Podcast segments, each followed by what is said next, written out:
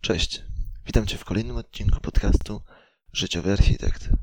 Jest to podcast o analizowaniu tego, co dookoła nas i projektowaniu udanego życia.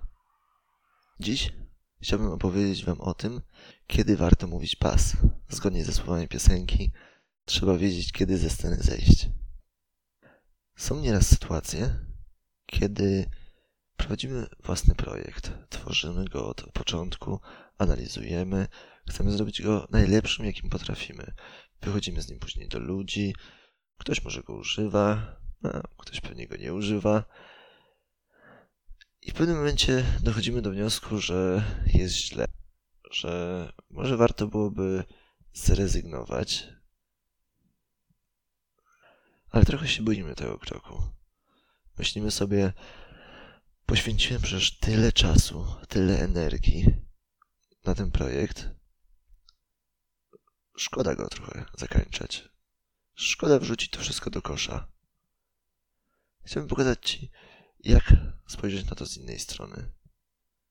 Jak spojrzeć na to z perspektywy tego, kiedy ze sceny zejść. Niepokonanym. Po pierwsze, za każdym razem, kiedy napotykasz na tę sytuację, warto zastanowić się, jakie są realne szanse, że dany projekt wypali, że będzie w stanie dobrze prosperować, że będzie rentowny, że spełni nasze oczekiwania. Bo pamiętajmy, że za każdym razem, przeznaczając na, na coś swój czas, nie przeznaczamy go na coś innego. Dlatego przeprowadźmy dokładną analizę. Jakie są przypadki? Co musiałoby się zadziać, żeby nasz projekt odniósł sukces? I zastanówmy się, jakie są szanse tych przypadków. Zastanówmy się, jaka jest rzeczywiście szansa, że nasz projekt odniesie sukces. I wtedy mamy dwie możliwości. Albo walczymy dalej i wykonujemy jedną z tych możliwości, idziemy dalej w tę akcję, albo rezygnujemy. Tylko przy rezygnacji nie bądźmy zbyt sentymentalni, bo nie warto. To jest nasz czas, który możemy przeznaczyć na coś zupełnie innego. Chodźmy na zabawę z dziećmi. Warto sobie pomyśleć o tym w ten sposób, że jeżeli prowadzisz projekt przez pół roku, to inwestując kolejne pół roku w jego rozwój, jeżeli nie masz żadnego pomysłu i nie wiesz w jaki sposób możesz rozwinąć go tak, żeby był popularny, używany i rentowny, to za pół roku, zamiast rezygnować z pół roku Twojej pracy, będziesz musiał zrezygnować z całego roku Twojej pracy. Wtedy będzie to dużo bardziej bolesne. Jednak nie warto też zbyt przedwcześnie rezygnować z projektów. Jeżeli czujemy, jeżeli widzimy, że jest jeszcze szansa, warto ją wykorzystać.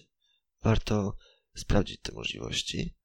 Przy czym warto też ograniczyć sobie w głowie czasowo, do kiedy testujemy daną możliwość. Mianowicie, jeżeli wymyślimy, że nasz projekt ma szansę się rozwijać, ma szansę zabłysnąć, jeżeli zrobimy wielką kampanię informacyjną na Facebooku, to zaplanujmy ją. Zaplanujmy akcję w ciągu jednego miesiąca czasu. Zaplanujmy dokładnie, co będziemy robić, co musimy zrobić, żeby sprawdzić, czy rzeczywiście potencjał, o którym myślimy, który podejrzewamy, jest rzeczywisty. Zacznijmy to wykonywać. Ale mając cały czas na uwadze to, że to jest test i że to jest test ograniczony czasowo. Po to, żebyśmy też sami komfortowo czuli się z czasem poświęconym na dany projekt.